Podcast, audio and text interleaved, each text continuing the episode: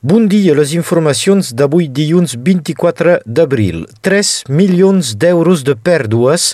El dèficit de les cases de jubilats públiques inquieta els sindicats dels EPADs que tornen a demanar mesures urgents. La mala situació financera té repercussions sobre les condicions de treball del personal i, per tant, sobre la qualitat de l'acollida dels residents. El Consell Departamental, que assegura el cofinançament dels 18 centres públics de Catalunya Nord, ha autoritzat un augment dels preus per mirar de frenar la caiguda financera. Però el departament també sol·licita la Caixa de l'Estat per pal·liar la crisi. L'estat francès ha imposat a les cases de jubilats públiques una revalorització salarial del personal sense atorgar els diners per assumir aquestes despeses. Bosses de deixalles, ampolles escampades, parets cremades, al Canigú el refugi de Cortalets, a més de 2.000 metres d'altitud, no s'escapa pas de les incivilitats.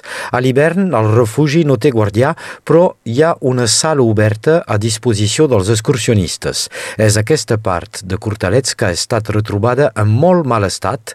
Els benèvols de la Federació dels Excursionistes de Prada denuncien aquesta situació i ajuden actualment al guardià de Cortalets que efectua les reparacions necessàries. A la Costa Vermella, una gran part del sender del litoral és tancat.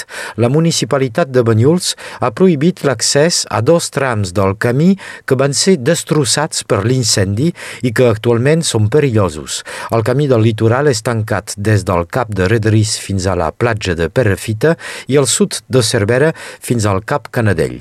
Recordem que l'incendi de Cervera va destruir 1.000 hectàrees de l'Albera.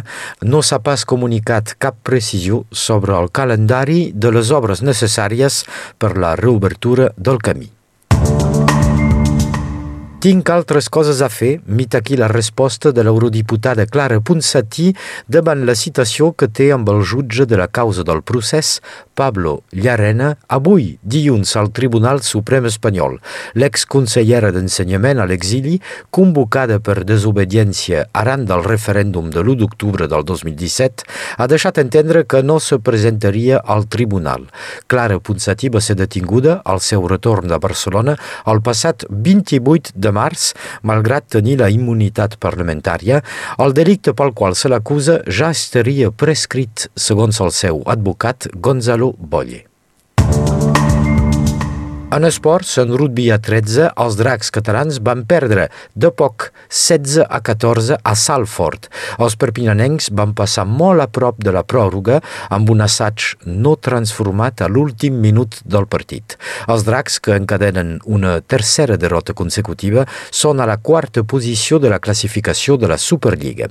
A 15, victòria important de l'USAP dissabte contra el Racing de París, ja que Brive també va guanyar Pau. Els catalans continuen continuen a la tretzena plaça, 8 punts per davant de Briva i a 3 punts de Pau. Matemàticament, l'USAP encara pot evitar el baratge d'accés per se mantenir al top 14.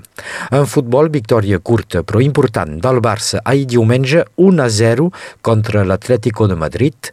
Els catalans s'apropen del títol de campió de Lliga i conserven un avantatge d'11 punts sobre el Real Madrid.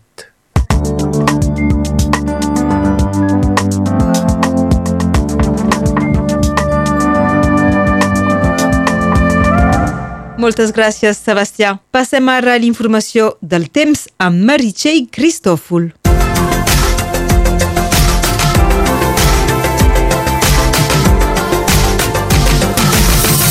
Bon dia. Comencem la setmana amb un vent que ha decidit revifar-se. Per aquesta tarda es cal esperar ràfegues màximes de 50 km per hora a la plana del Rosselló. La tramuntana bufa amb menys intensitat a la resta del país. Es preveu unes quantes clarianes durant el dia, però en regla general és un dia bastant gris que hauríem de tenir avui. Pel que fa a les temperatures, aquestes són sempre per sobre de les normals per la temporada.